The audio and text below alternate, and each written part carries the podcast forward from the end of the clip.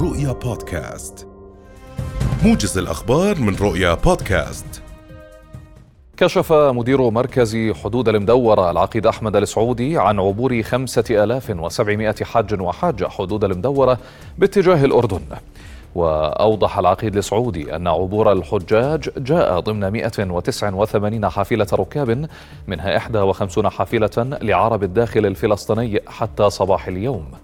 وأكد السعودي في حديث إذاعي على تعزيز مركز المدورة الحدودي بالكوادر البشرية داخل المركز مما يساهم بسلاسة وسرعة تقديم الخدمات للحجاج العائدين للمملكة. تعاملت الإدارات المرورية مع عدد من الحوادث والمخالفات الخطره خلال فترة عيد الأضحى المبارك. وأفاد التقرير المروري اليوم بأنه تم التعامل مع 17 حادثا مروريا على الطرق الخارجية نتج عنها أربع وفيات وإحدى وستون إصابة مختلفة إثر حوادث السير خلال فترة العيد. وبدأت إدارة السير بتنفيذ خطة مرورية تزامنا مع عودة الدوام بعد إجازة العيد وذلك لضمان انسياب ومرونة حركة المركبات سواء من جهة المحافظات باتجاه العاصمة أو العكس. يصل الرئيس الأمريكي جو بايدن إلى القدس المحتلة اليوم لبدء جولة في الشرق الأوسط تنطوي على رهانات كبيرة وتهيمن عليها جهود إقناع الحلفاء الخارجيين بزيادة إنتاج النفط. وسيقضي بايدن يومين في القدس المحتلة لإجراء محادثات مع قادة الاحتلال الإسرائيلي قبل أن يجتمع مع الرئيس الفلسطيني محمود عباس يوم الجمعة في الضفة الغربية المحتلة.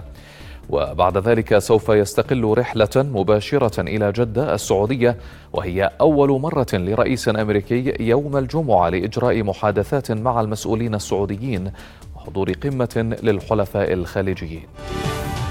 حذرت وزيرة الخارجية الفرنسية كاثرين كولونو أو كولونا من أن الوقت ينفد من إيران لإحياء الاتفاق المتعلق ببرنامجها النووي مشددة على أن نافذة الفرصة المفتوحة لإنقاذ هذا الاتفاق ستغلق في غضون بضعة أسابيع. وقالت كولونا أمام لجنة الشؤون الخارجية في الجمعية الوطنية الفرنسية قالت إن بلادها برهنت على قدر كبير جدا من الصبر لكن الوضع الراهن لا يحتمل لأن إيران تعتمد منذ أشهر موقفا تسويفيا. وأضافت بأنه ما زالت هناك أمام إيران نافذة فرصة ومجال مفتوح لكي تقرر أخيرا قبول الاتفاق الذي ساعدت في بنائه لكن الوقت ينفد. حذرت منظمة الصحة العالمية من أن موجات جديدة من الإصابات بفيروس كورونا تظهر أن الوباء لم يقترب حتى من نهايته وقال المدير العام للمنظمة في مؤتمر صحفي أنه مع ازدياد حالات الدخول إلى المستشفى وتفشي كوفيد 19 يتحتم على الحكومات نشر تدابير تمت تجربتها كوضع الأقنعة وتحسين التهوية وبروتوكولات الفحص والعلاج. غادر الرئيس السريلانكي فجر اليوم البلاد على متن طائرة عسكرية متجها إلى المالديف بعد احتجاجات شعبية عارمة ضده وفق ما أفاد مسؤولون.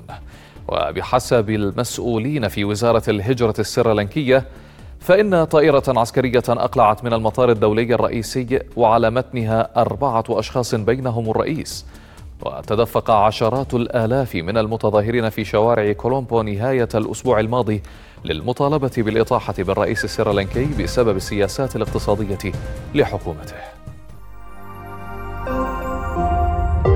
رؤيا بودكاست